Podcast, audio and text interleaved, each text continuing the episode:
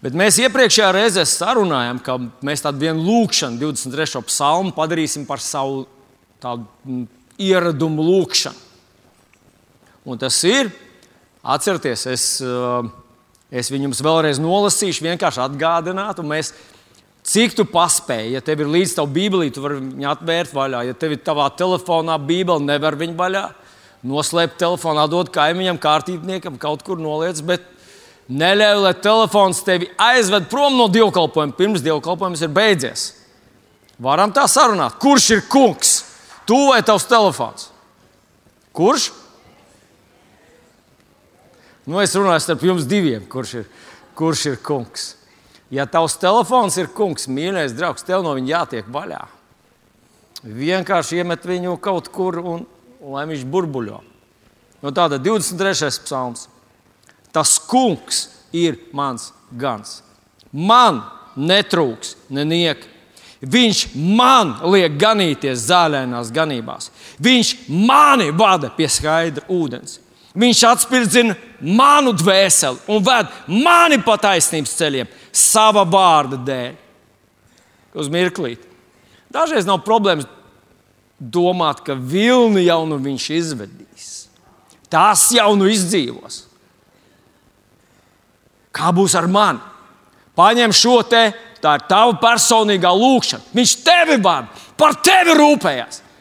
Jēzus kādā vietā teica, ka Dievs rūpējas par putniem un zāli. Un tad viņš saka, cik jūs esat Dieva acīs vērtāki par viņu, par visu to. Vai tu neredzi sevi tajā, ka tu kaut kādu vērtību esi Dieva acīs? Tu esi dēls vai meita. Tu kaut ko nozīmē viņam. Viņš tev atpirka ne ar vienu nu, kaut kādu zvaigznīti no debesīm, samaksāja par tevi. Viņš atdeva dēlu par tevi. Jā, bet es vairs neesmu tik jauns. Es arī vairs neesmu tik jauns. Dieva acīs mēs nezaudējam savu vērtību ar gadiem. Nekādu. Tieši otrādi, ja tu esi ilgi ar to kungu, uzticies viņam, padodies viņam, kalpo viņam. Tad viņš saka, tu esi bijis uzticīgs pie mazuma, es tev iedošu vairāk. Mīļie brāļi, māsīs, tiksim vaļā no tās padomu mentalitātes. Palieku vecs, man paliek maz. Ir jābūt otrādi. Jēzus vārdā. Tā tad, jebšais arī staigāja tumšā ielējā. Taču ļaunuma, ļaunuma, pasaka par sevi, mēs nebīstos. Jo tu esi pie manis. Ne jau tu esi tik briesmīgi gudrs. Tu tik ļoti māci, mācies izdzīvot. Tev tik maz vajag viena kartupeļu maisa un vien, viens gads ir aizvadīts. Nē, nē, nē. Ne tev ir tas spēks, kāpēc tu nebīsties. Bet tāpēc, ka viņš tevi neatstāja vienu. Tu nekad neesi viens. Halleluja! Tava gana vēsta, tu saki viņam, un tavs gana zīles, zīles, ja tas ganam bija tā šķēps, tāds koks ar asu galu un cilpu otrā galā. Nu, ne cilpu īsti, bet tādu, ka uztvert to avi un pavilkt viņu, izvilkt viņu, izķeksēt viņu. Dievam ir kaut kādi ieroči, lai, lai tevi izķeksētu ārā no tavām problēmām. Pat ja tu arī iekulies viņās. Tātad tavs gana zīzlis mani iepriecina. Tu klāj man galdu! Tu klāj man galdu! Un, zini, tas paradoks ir, ka vienā dienā es jūtos, ka Dievs tiešām klāja man galdu.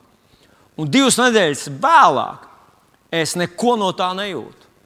Man pēkšņi ir tāda sajūta, ka es esmu viens, pamests, aizmirsts, ka nevienam es neesmu vajadzīgs šajā pasaulē.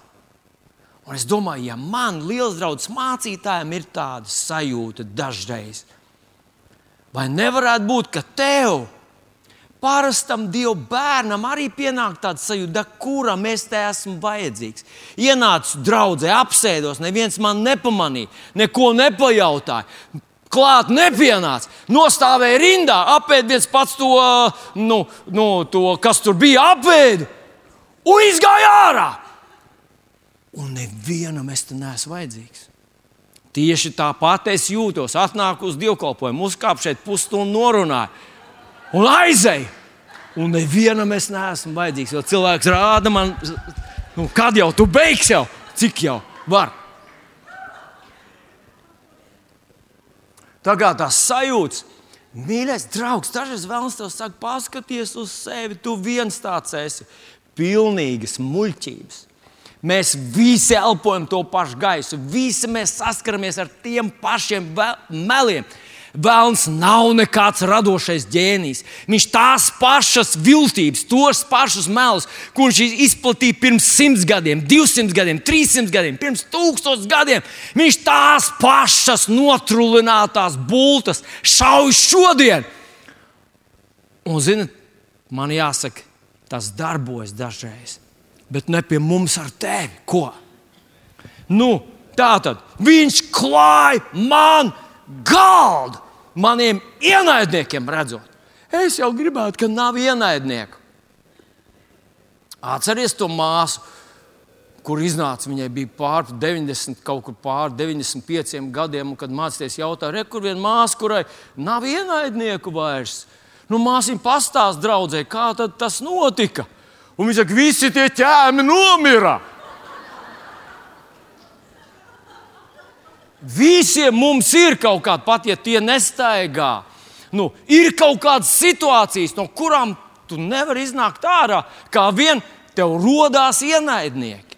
Nu, mūsu cīņa nav pret miesu un asinīm. Mēs zinām, ka vēlams izmanto tos dažādas situācijas. Viņš tamborē un domā ilgi plāno, lai radītu to tā, ka bats, tu gribēji kā labāk, sanāca ienaidnieks. Bet tur rakstīts, viņš klāja man galdu, maniem ienaidniekiem redzot. Tu svaidi ar eļļu manu galvu, mans kaus ir piepildīts pilns līdz malai. Halleluja! Kāds ir tavs kaus? Man, man ir kaus kaut kur. Tev ir kaus, un tu pasaki, kāds tas kaus ir. Pasaki, ka viņš ir līdz pusītē tukšs un paliek ar vien tukšāks. Un tāds arī būs. Pasaki, ka Dievs tev palīdz. Pasaki, ka tu esi Dieva bērns. Pasaki, ka tā kā Dārvids gāja pret, pret Goliātu, tieši tāda pati ir tava situācija. Tu jau neej viens, tu esi mazs, un no malas izskatās neaizsargāts, bet tev līdzi nāk kāds, kurš no paša sākuma zināja pašas beigas, kurš nebaidās ne mirkli, kuram ir visi līdzekļi. Pasaki to savai dzīvei. Un jo tavs situācija ir smagāka, jo biežāk tev tas jāsaka, jo biežāk tev jāuzvelkās, jāpierādina katru tavu šūnu. Vai tu zināji, ka tavs ķermenis un viss tavs nervu sistēma visvairāk tic kuram? Tev! Tas, ko tu teiksi, tavs ķermenis reaģēs. Kāds cits no malas kaut ko tas var sāpēt un var iepriecināt. Bet jautājums ir, ko tad tu teiksi par savu dzīvi? Tu esi savas dzīves pravietis. Un, zinot, nu, Tas ir skumji, ka mans pravietis, mans personīgais pravietis, kurš staigā manās kurpēs, nebīžā runāt pravietiskus dievu vārdus. Viņam slinkums, viņš netic, viņš, viņš šaubās, viņš, viņam nav ko pateikt. Un tad atver Bībelīti un lasa no turienes, jo pats nevar izdomāt neko. Nu, tā tad Mans kaus ir piepildīts pilns līdz malai. Tiešām labums un žēlstība man pavadīs visu manu mūžu. Tiešām labums un žēlstība mani pavadīs visu manu mūžu, un es palikšu tā kunga namā vienu mēru. Saku, palikšu tā kunga namā. Halleluja! Jā, iespējams, ka tu sēdi tur kaut kur, varbūt trībīnēs, un domā, jā, nu tā jau tie mācītāji runā. Tā jau viņi saka, jā, bet reālajā dzīvē, reālajā dzīvē. Jā, tā ir taisnība, ka mēs atrodamies tādā ļoti neviennozīmīgā laikmetā. Mēs ar tevi mums ir tā iekrits. Īstenībā tas nav iekrits. Dievs ir tā izlēms, ka mēs ar tevi dzīvosim laikmatā, kad tāds, notiks tādas lielas tektoniskas pārmaiņas, liela lūzuma. Un jā, mums ir dzirdēts tas stāsts, ka viss vis, pasarg Dievs man dzīvot pārmaiņu laikā. Mēs gribētu dzīvot, kad viss ir stabils un viss ir paredzams un viss ir nemainīgs. Vai tiešām tas tā ir? Es uzdrošinos apšaubīt, ka tas tā ir. Ir, ir neliela līdzība tam laikam, kurā mēs ar tevi dzīvojam. Tas ir laikmets, par kuru Bībele mums sauc, ka tas ir otrā mūža grāmata, saucās Exodus. Kas ir Exodus? Iziešana. Viņš runā par Dieva tautas iziešanu pēc 400 gadiem verdzības, iziešanu no Eģiptes zemes. Un tur sākās viss tas bēdu laiks Eģiptē. Atcerieties, tur bija uh, ūdens pārvērtās asinīs, tur bija tumsa, tur bija siseņi, tur bija bats, tur bija krūsa, tur bija vārdas, tur bija vis visādas. Nu, uh, Vis visādas lielas tādas nu, nelaimes. nelaimes. Tieši, tieši tā sauksim, nelaimes. Mēs tā kā lasām to, mums liekas, vai, vai ka tur toreiz bija jauki, viņiem tur bija tāds viss kaut kas. Bet nē, tās bija reālas nelaimes. Kā tu, izv kad tu izvēlētos dzīvot to laiku? Vidējais dzīves laiks, es kādreiz studēju teoloģiju un klausījos lekciju par šīm lietām. Vidējais dzīves laiks Izrēlietim šajā Eģiptes verdzības laikā bija, ja es pareizi atceros, ja es, es varu mazliet kļūdīties, viņš bija šokējošs mazs. Nu, ja es pareizi atceros, bija 35, 37 ilgdzīvotāji, dzīvoja 40 gadus. Klimats bija smags, darbs bija smags, ēdiens bija drāmīgs. Viss bija pret viņiem. Bet tagad skaties, vai tu izvēlētos dzīvot tajā 300, 300. verdzības gadā, vai tu izvēlētos dzīvot tajā eksodus laikā, kad sākās kolīzijas, sākās tumsa, sākās krusta, sākās augoņi, sākās tur nu, vārdas un vēl visādas nelaimes. Vai tu gribētu labāk tās verdzības stabilitātes 300 gados dzīvot, vai nu, 400, kopā bija 400. Es domāju, pašā vidū tev ieliek, lai tu tā stabili viss, kā mēs esam, vergi, tā esam. Mans tēvs nomira 35 gados, es ceru nodzīvot ilgāk, līdz 36. Ko tu izvēlētos? Jā, pareizi. Es zinu, tā ir grūta izvēle. Šobrīd tu esi iedarbinājis savu skaitļojumu mašīnu, un tur viss griežās. Labi, es ticu, ka līdz rītdienai tu izdomās. Et, tā ir patiesība, ka uz šo situāciju var paskatīties no divām pusēm. Un no vienas puses, protams, tev jāpamet viss. Tavu vecāku tur dzīvoja 150 gadus, 200 gadus. Tas tev ir jāatstāj vienā naktī. Ko tu vari paņemt līdzi? Tikai to, ko var uzlikt uz muguras. Tu nezini, kur tu ej, nezini, ar ko tas beigsies, nezini, kā tas viss notiks. Ar, mēs esam vērgi, ko mēs darīsim tūkstnesī. Ak, Dievs, mēs taču neizdzīvosim tur vispār nedienas. Risks ir liels. Un tomēr uz to varētu paskatīties arī savādāk. Ka tomēr Dievs ved ārā no verdzības, ved mūs uz apsolīto zemi. Dieva spēks ir ar mums, un Viņš solīja, ka palīdzēs mums iziet cauri šīm bēdām, mūs pasargās. Tieši tāpat mēs ar tevi dzīvojam līdzīgā laikā, kad notiks lielas, dramatiskas pārmaiņas. Pārmaiņas pasaulē, sabiedrībā, klimatā, attiecībās. Tas ir interesanti, ka Jēzus apraksta šo, te, šī, šo laikmetu, kur mēs ar tevi piedzīvosim, iespējams, redzēsim savām acīm. Karš, bats, mērs, dabas kataklizmas, zīmes pie saules un mēnesis. Viņš saka, Lūkas evanģēlijā, ka tautas būs neziņā par to, kas notiks. Cilvēkiem sirds pamirs bailēs. Nu, mums jau pietiek ar karu un bādu, pareizi. Mums, vairs, ne, ne, mums nevajag ne karu, ne badu. Mums pietiek, ka cenas ceļās. Jau cilvēkiem sirds pamirst. Un es skatos, nu man, man tiešām mazliet kaitina tie Latvijas eksperti un tie Latvijas visi tie masu mēdī. Jo katrs, kuram pievēršās kamera, tūlīt uzskata par savu pienākumu pateikt, ka cenas celsies, cenas celsies, un rudenī būs divreiz sliktāk, trīsreiz sliktāk. Un visi mūsu Nu, es nezinu, es, es, protams, neesmu biznesmenis un es nezinu, kā tas darbojas. Bet man ir tāds sajūta, ka tie biznesmeņi sēž pie televizora un to vien katru dienu sūta saviem izpildu direktoriem ziņas. Pacelt cenas, pacelt cenas, visi ceļ cenas, un paceļam arī mēs. Ir tāds laiks, ja tā, tā jādara. Nu, man brīžiem sanāk dusmas. Jūs neticat, protams.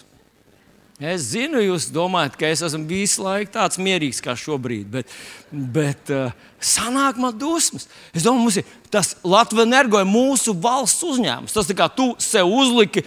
Uz jumta uzlikt sev saules paneļus. Tas mūsu, mūsējie, visas valsts saules paneļi ir Latvijas energo.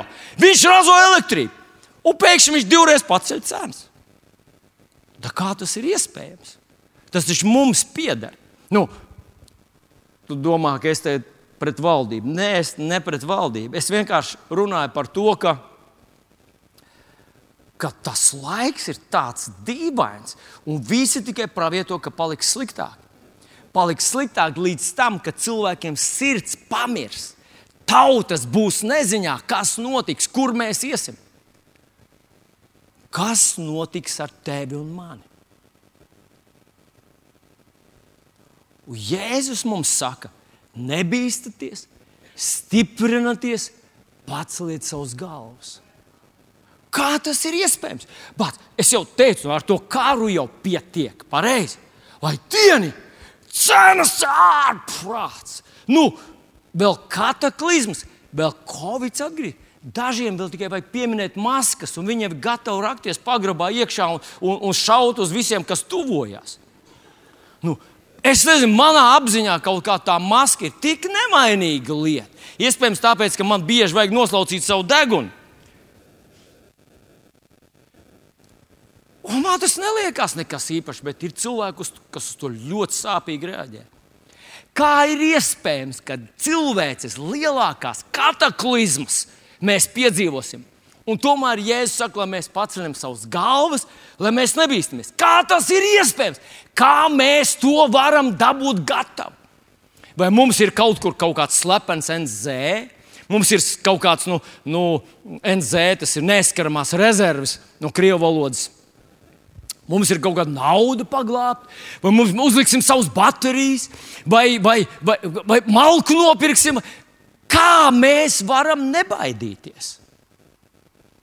Manā izpratnē ir divas izējas, divi pamatojumi, kā es varētu nebaidīties, kā mēs ar tevi varētu nebaidīties. Un tas viens ir tāds, nu, tāds tipiskais padomu laiku, Ķīnas, es domāju, arī, arī nu, Ziemeļkorejas cilvēku mo motivācija. Viņi saka, tā, mums šobrīd ir tik slikti, tik ļoti, ļoti slikti, Šī zemes dzīve vispār ir norakstīta. Mums nav dzīves, mēs neesam redzējuši viņu, neesam baudījuši, mēs nezinām, kas ir normāli paēst, nezinām, kas ir normāli dzīvot. Mēs savus bērnus nevaram normāli audzināt brīvi. Mēs ceram uz dzīvi pēc nāves. Un viņi reāli skatās nākotnē. Viņi reāli gaida to dienu, kad viņi atstās šīs ķēdes važus un šo cietumu, kurā ir nodzīvojuši visu savu dzīvi. Arī mēs ar tevi varam tāpat skatīties uz savu dzīvi ka man ir tik slikti, man ir tik drāmīgi, cenas ir tik lielas, nu, ka es tikai domāju par pēcnāvus dzīves turieni. Bet vai tas tā ir? Iespējams, ka cilvēki no Ziemeļkorejas, bērni no Ziemeļkorejas, pagulētu kādu mūsu jauniešu gultā. Iegūt visus tos gadgets, kas mūsu jauniešiem ir, un viņi vispār nu, nedomā, ka tas ir kaut kāds liels nopelns. Viņu senči rukā, melnām mutēm, slapjām mugurām. Bērni vispār nenojauš. Viņi tik zina, ka smaržīgie vecāki aiziet uz darbu, atnāk mājās, smaidīdami, viss ir skaisti, mājās viss vienmēr ir pozitīvi. Viņi nezina, ka tas darbs ir smags. Bet tā tad no Ziemeļkorejas, no Ķīnas, no Irānas, no daudzām Āfrikas un, un, un Arābu valstīm jaunieši nonāktu jūsu vietā Da viņi slavētu Dievu nākošos 30 gadus un dziedātu slavas dziesmas, teikt, Dievs, tā ir dzīve, o, tā ir dzīve, tās ir debesis. Paldies, Tev, Kungs, Tu izraugi mani no ēlas un ieliki man uzreiz debesīs. Iespējams, ka cilvēki, pieaugušie cilvēki, dzīvo Āfrikā. Viņi nonāk tādā situācijā, viņi sajustos, ka viņi ir biezie. Ja viņam būtu tavs dzīvoklis, viņam būtu tavs bankas konts, viņš brauktu ar tavu mašīnu, viņam piederētu tavs suns, tie cilvēki teikt, tam mēs vairs uz debesīm nemaz negribam. Te ir tik labi. Vai tas ir pareizi? Nu, tā vērtēt savu dzīvi, ka man te ir struntīgi, es jau gribu uz turieni. Vēl jau vairāk Jēzus teica, ka viņš ir atnācis atnest dzīvību un dzīves pārpilnību. Un man pārliecība, ka tas nav tikai par pēcnāvu. Es ticu, ka viņš runā par šo dzīvi, ka viņš palīdz tev šeit iegūt mieru, prieku, iegūt uzvaras tajās cīņās, kuras tu cīnies.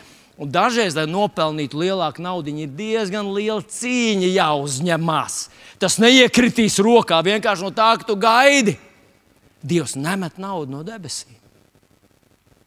Bet, manuprāt, tātad šī nav īsti pareiza motivācija. Mums būtu jāmotivē sevi, nebaidīties no tām nākošajām kataklizmām, tāpēc ka mums kaut kas ir. Nu, tātad, kas tad mums ir? Nu, kas mums, mums ir kaut, ka, kaut kas, mums katram ir. Kaut kas, ko mēs sargājam, Kādam lielāku čupiņu ar naudu, kādam mazāk. Kāds tur starp palagiem, kāds tur bankā, kāds tur nesā visu laiku līdzi, un kad iet peldēties, ieliek peldbiksēs, jo zina, ka pašam vien ir jāsargā tas, kas tev ir. Un tā ir pareizi. Tā ir pareiza doma. Bet es iedomājos, ka varbūt tu sevi uzskati par diezgan turīgu cilvēku. Bet ir cilvēki šajā pasaulē.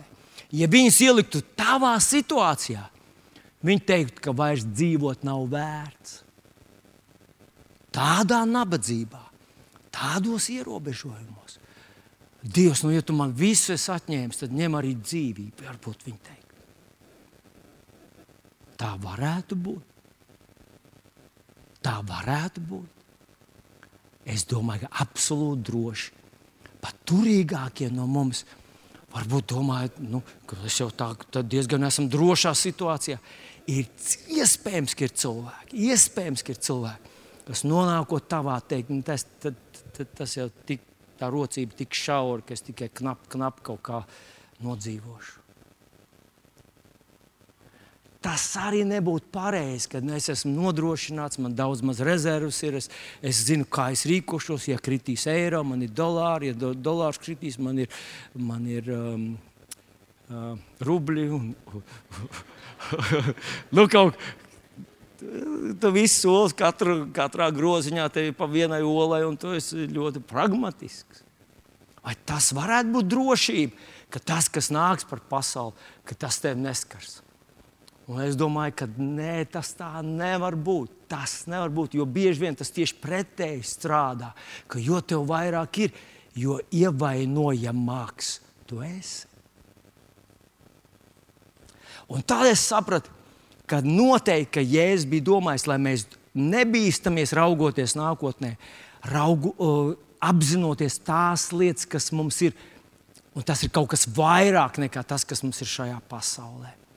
Tās ir tās lietas, par kurām Jēzus runā Jāņa Evanģelē 14. nodaļā. 14. nodaļa vispār ir, ir, ir brīnumaina nodaļa. Bet viņš sāka, viņš runā par svēto garu, viņš runā par tiem, kas viņu lūdz, tēvu, ka tēvs viņam to dos. Viņš runā, ka svētais gars vadīs un atgādinās un mācīs un iepriecinās un, un tā tālāk. Faktiski Jēzus runā, tā ir tāda nodaļa, nu, es viņā esmu pavadījis diezgan daudz laiks, laiku. Bet viņi sākās ar vārdiem, kur Jēzus saka tādus vārdus: ticiet Dievam un ticiet man.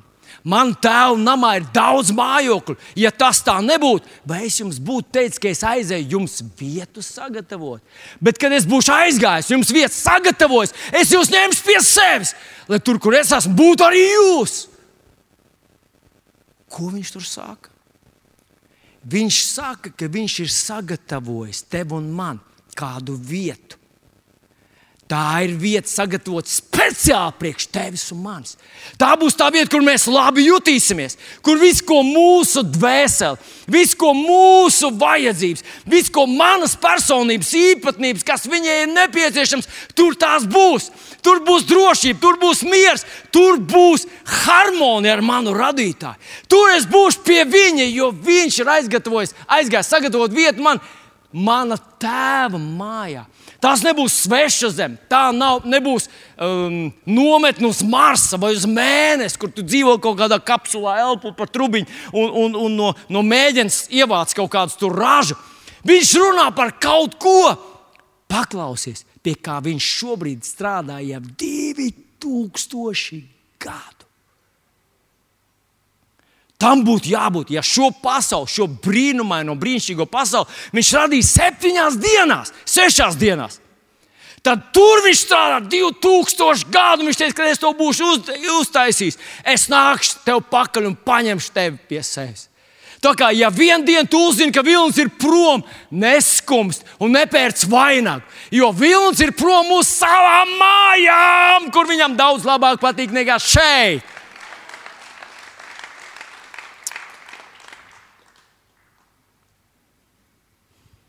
Tas ir tas, ko mēs. Kāpēc mēs nebaidāmies no kara? Kāpēc mēs nebaidāmies no bumbām, kas krīt? Kāpēc mums, mums vajadzētu sargāt savu dzīvību un glābties? Protams, mēs jau neesam nu, galīgi aptaurēti, pareizi. Bet mēs, mēs, mūsu sirds nepamirst. Mūsu, mūsu, nu, kad mēs pazaudējam, kad mūsu nauda zaudē vērtību, mēs uzreiz nekrītam izmisumā. Mēs nesakām, ka tas ir, ir mūsu lielā bagātība. Nē, tas, kas mums pieder šeit, ir nesalīdzināmāk mazāks ar to, kas mums pieder. Jūs esat ar mani kāds, vai jūs vienkārši skatāties, kā es te izklaidējos? Nesalīdzināmāk lielāks mans maciņš ir tur nekā šeit. Romiešiem 8. nodaļā, 18. pantā apelsīns Pāvils saka, es domāju, ka šī laikmeta grūtības ir nesalīdzināmas. Nepielīdzināms, nesalīdzināms, mazāk salīdzināms ar to godību, kas parādīsies pār mums.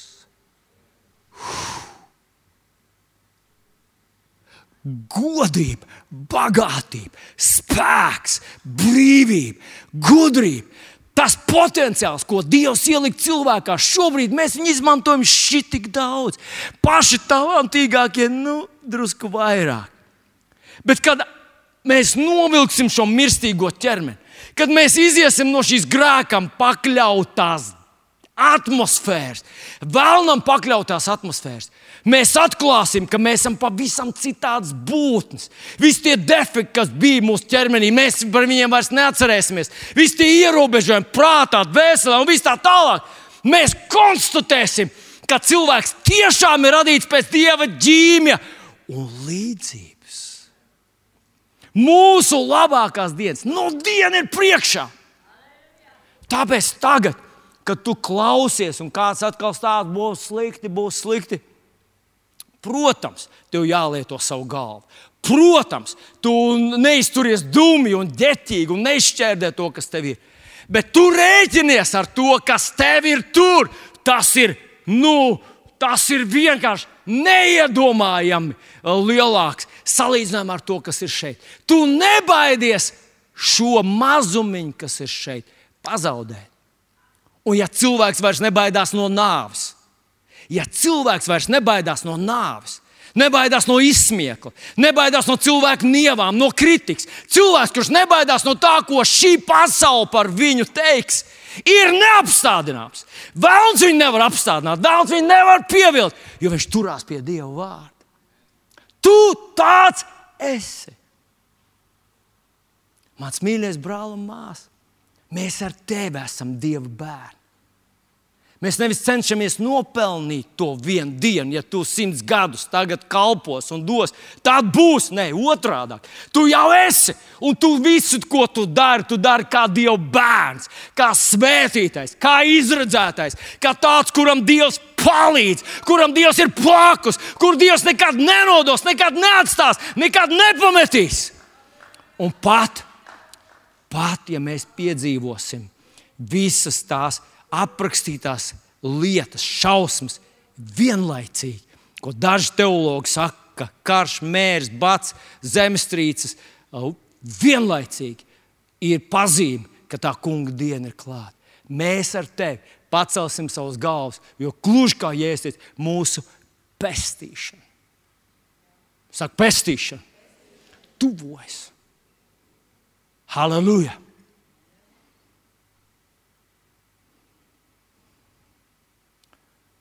Kungs, ko lai es tagad daru?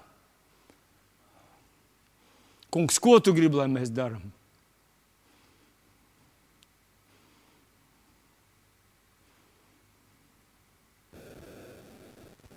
Būt Dieva gribā ir pasaulē drošākā vieta. Tā ir nākotnes drošākā vieta. Tur ir vietiņa tev, mans draugs, mans mīļais brāl un māsa. Mēs nevaram. Šis ir laiks, kad tā teorētiskā kristietība, tāda, kas pēc nāves strādās, tāda, kurā Dievs visu dara, un mēs tikai mazās, mazās skaidiņas, tikai skatāmies, ko Viņš dara. Tā nedarbojas. Šobrīd mums vajag piederēt Viņam, kalpot Viņam uzticēties viņam, sadarboties ar, man, ar savu Dievu. Tu un tavs Dievs. Kad tu dod desmito, tu dod to viņam. Tu nedod to man, tu nedod to draudzē. Tu nemet to, lai mēs varam samaksāt visu. Protams, tas tiek izmantots šīm lietām, arī labiem sociāliem projektiem. Bet tu dod to Dievam. Viņš ir tavs bagātības īpašnieks un tu esi namturs viņa bagātībā. Un ja tu būsi uzticams tajā, redzi, redz, var jau ieraut nāsīs kaut ko no Dieva desmitā, un viņš neko nes, nesacīs. 50. psalmā Dārvids saka tādus vārdus. Ja nemaldos, tas bija 20. 21. pāns. Tu aprunā savas mātes dēlu, savu brāli. Tu aprunā savus mātes, dēlu, savu brāli. Un kad es klusēju, tu domā, ka es esmu tāds pats kā tu. Redz, mums ar tevi ir iespēja. Mums ar tevi ir iespēja palikt īstiem, patiesiem Dieva bērniem. Un ir iespēja drēfēt prom no Kristus. Lai tu paliktu pie viņa, tur jāpieliek kaut kāda piepūle. Tas nenotiks pats no sevis. Ja visa tava kristietība beidzās, tikko beigsies šis divkalpojums, un tu izies ārā, un tu dzīvos vienkārši parastu, normālu cilvēka dzīvi. Nu, kādu normālu dzīvi? Visādi izaicinājumi, tev jāskrien tur, jāmaksā, jāstrādā, tev jāuztur attiecības. Tad, tur, nu, tad, tad, visu dzīvi var piepildīt pilnu ar vis, visādām loģiskām lietām, bet viņām nav nekāda saikne ar tavu kungu tad tas nestrādās. Vienkārši tāda teorētiska kristietība, viņai nav spēka.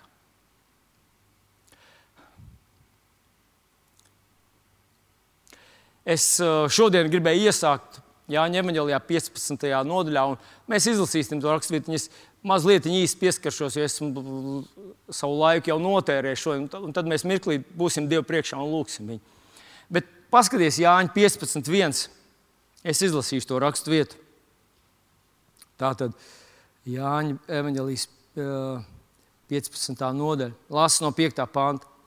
Jēzus saka, es esmu viena koks, jūs tie zari, kas manī paliek, un es viņā tas nes daudz augļu, jo bez manis jūs nenieka nespējat darīt ja kas nepaliek manī, tas kā zars izmetams ārā un sakals to savāc un iemet ugunī un tiesa sadeg.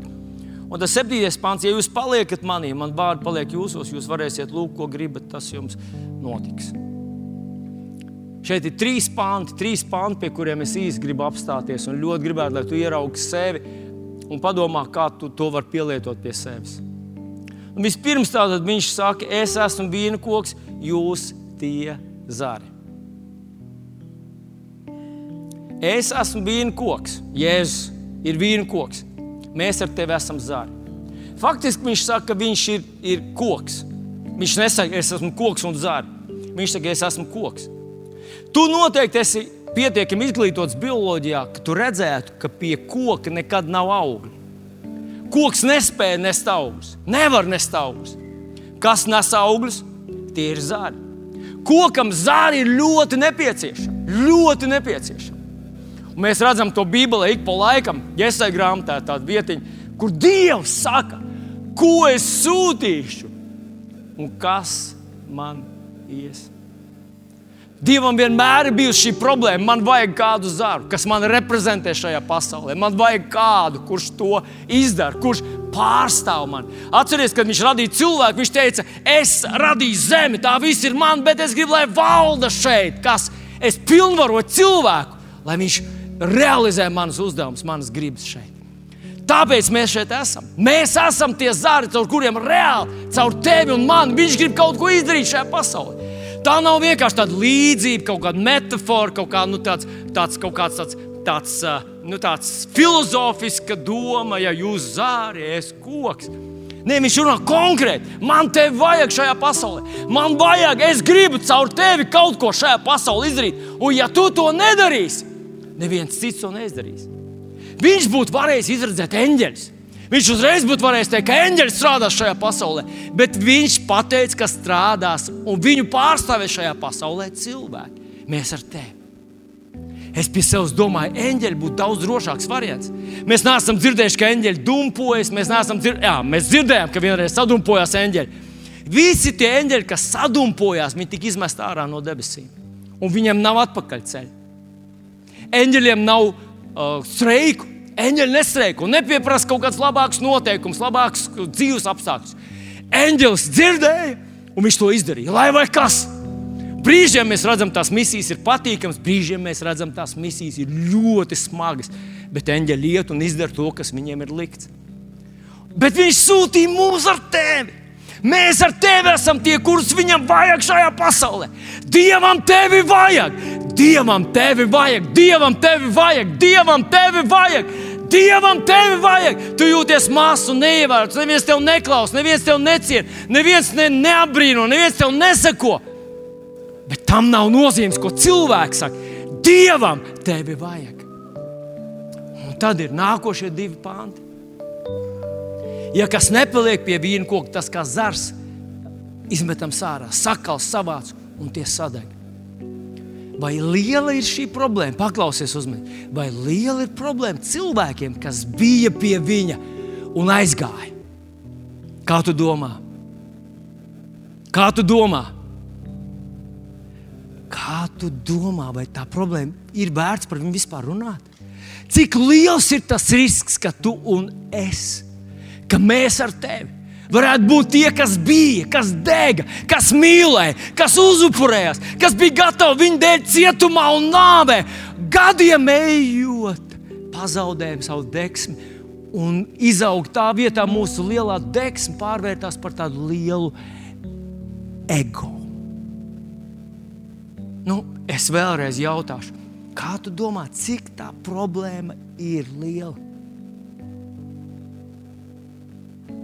Man bailes tevi nobaidīt šodien. Tā problēma ir ļoti liela. Ļoti liela. Neveltes par. Atkal un atkal, es par to runāju, viņš runā par jaunavām. Viņš saka, pusi no viņām neiegāja. Viņš runā par uh, Marka 4. Viņš runā par augsnē, par dažādiem cilvēku attieksmēm. Un tad viņš no četriem saka, ka trīs nekas viņa dzīvē nenostrādāja.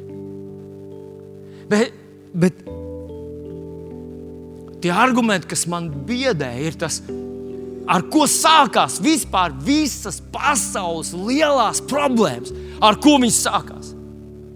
Ar to, ka cilvēks, kuram Dievs bija kā draugs, kuram Dievs varēja staigāt blakus, kur diev, kurš redzēja Dievu, kurš dzirdēja viņa vārdus, redzēja viņa sejas vaipstus. Es runāju par pirmo cilvēku.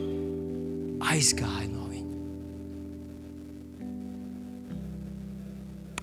Un tad es vēl iedomājos par vēlnu, kurš čakarē, piedodiet par šo nesmuko vārdu, visu pasauli. Vai tad viņš nebija kādreiz viens no vislielākajiem apdāvinātajiem, pielūdzējiem un ķērubiem? Viņš ir pārvērties par lāstu, tumsas, naida, slimību, bailu, nāvju nesēju. Un tad, kad es paskatos uz šo bildi, es saprotu, ka tas, ka tas, ir, ka tas ir risks ir tik liels ka tā vietā, lai augtu mūsu dedzība un mīlestība uz to kungu, kaut kas notiek pretējs, nepareizs process. Mēs tā kā sākam Dievu pielāgot sev. Nevis mēs pielāgojamies viņam, bet viņš viņu mēs pielāgojam sev. Un kāda arī nebūtu situācija, kurā tu nonāc, tu vienmēr viņu pielāgo. Tāds kā plastilīna dievs. Viņš vienmēr tevi saprot, tevi atbalsta, ko arī tu neteiksi. Viņš tev saprata, tu tā drīkstēji darīt, jo tu tā jūties, tāda bija situācija. Tu tā gribēji, tev to ļoti gribējās, un tāpēc viņš to saprot, viņš piedod, jā, viņš ir ar tevi. No, viņš tev ne, tie visi citi ir vainīgi, ne, bet tu nekad, tu esi vienmēr, tev, jā, tur bija arī daļēji tevi vaina, bet tomēr tie visi citi ir vainīgāki. Un viņiem ir jāmainās. Tu nepazīsti tādu plastelīnu dievu nepazīsti tādu Dievu, kur tu pieveido sev pēc vajadzības. Tad tu esi ļoti laimīgs, tad tu esi īstajā vietā, tad tu esi dedzīgs Dieva bērns. Tad tu noteikti pieaug, un tad uz tevīm attiecās tas, tas septītais pāns, kurā viņš saka, bet ja jūs paliekat manī, un man vārdi paliek jūsos, jūs varēsiet lūgt, ko gribat. Tas jums notiks. Vai tas nav brīnišķīgi? Paklausieties, ja jūs paliekat manī, un mani vārdi paliek jūsos, jūs varēsiet lūgt, ko jūs gribat, un tas jums notiks. Ko viņš te saka? Kas ir tas, ko šis pants mums cenšas pateikt?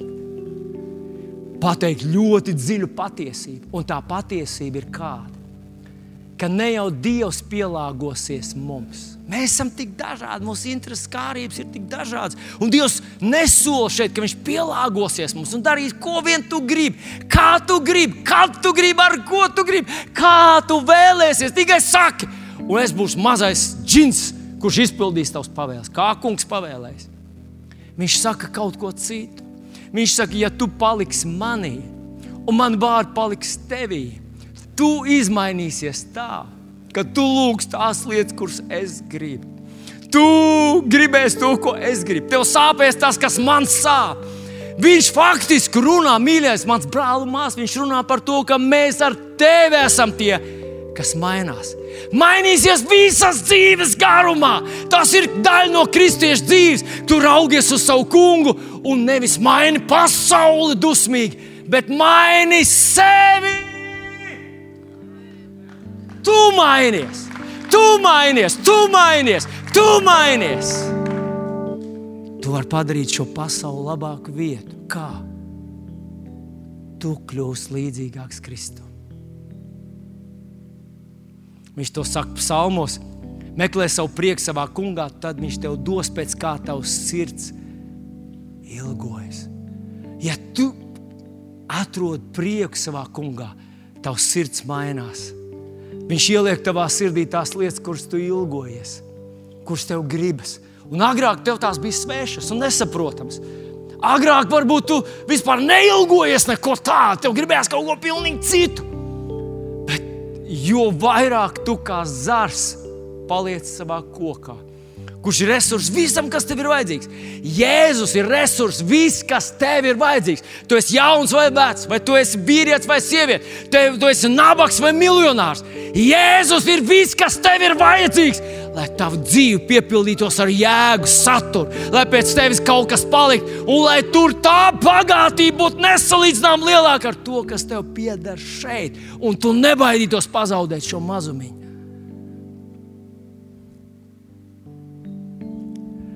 Halleluja, kungs! Palīdz man tevi ieraudzīt, palīdz man mainīties, palīdz man mainīties, palīdz man mainīties, palīdz man mainīties, palīdz man mainīties, palīdz man saprast, ka tu jau nemainīsies. Ir jāmainās man.